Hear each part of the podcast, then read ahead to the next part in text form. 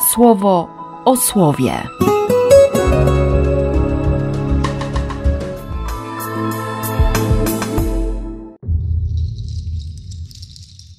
Dwudziesty piąty stycznia, wtorek. Nawrócenie świętego Pawła.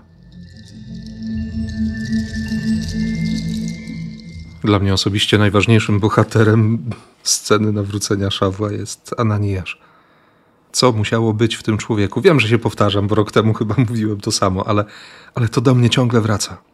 Jak trzeba słuchać Boga, nie?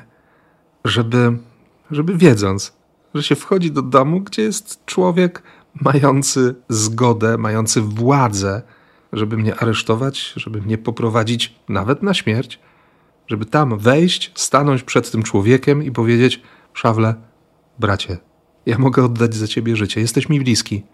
Wpuszczam ciebie do swojego domu. Chcę się dzielić z tobą moimi tajemnicami. Jesteś moim bratem.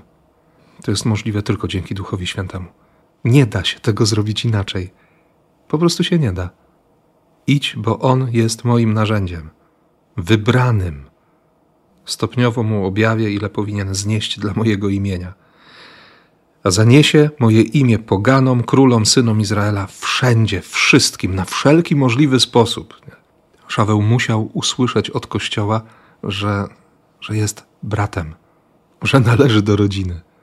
Wtedy łupiny czy łuski spadły z jego oczu. Wtedy zaczął widzieć, jak ważny jest Kościół, jak ważni jesteśmy, jaką mamy godność, jaką mamy zdolność, jak bardzo Bóg nam ufa. Nie? I Szaweł zaczął wprawiać w zakłopotanie Żydów, bo, bo wykazywał, że ten, tak, Jezus, jest Mesjaszem. Ten Jezus, który ukazywał się zaraz po swoim zmartwychwstaniu, ten Jezus, który przyszedł do jedenastu siedzących przy stole. Wcześniej w jedenastym wersecie napisano nie uwierzyli. W trzynastym nie uwierzyli. No więc przychodzi w czternastym wersecie szesnastego rozdziału Ewangelii Marka i ich zganił za niewiarę i za upór, za serce z kamienia i za kurczowe trzymanie się własnej wersji wydarzeń. A potem mówi: To idźcie, idźcie i ogłoście Ewangelię. Będą znaki, usuwanie demonów, powrót do tego, co jest prawdą, szansa na odkłamanie tego wszystkiego, co diabeł wsączył w serca, nowe języki, bo można będzie kochać. Nie? Można się będzie odezwać w dzień pięćdziesiątnicy i mówić po łacinie, językiem okupanta. Da się dawać życie za innych.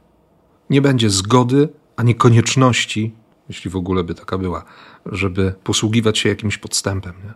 Tylko te wszystkie kłamstwa można będzie wziąć do rąk i, i zrobić z nimi porządek. Jakakolwiek trucizna, nic nie będzie mieć władzy. I słowo będzie uzdrawiać. Ewangelia będzie lekiem na całe zło. No tak. Słowo Chrystusa będzie dźwigać, będzie podnosić, będzie zmieniać perspektywę, będzie poszerzać horyzonty. Będzie siłą, będzie pokarmem, będzie światłem dla Kościoła. Mamy takiego Boga, który dotrzymuje słowa. Obyśmy się dzisiaj też o tym przekonali. W imię Ojca i Syna i Ducha Świętego. Amen. Słowo o słowie.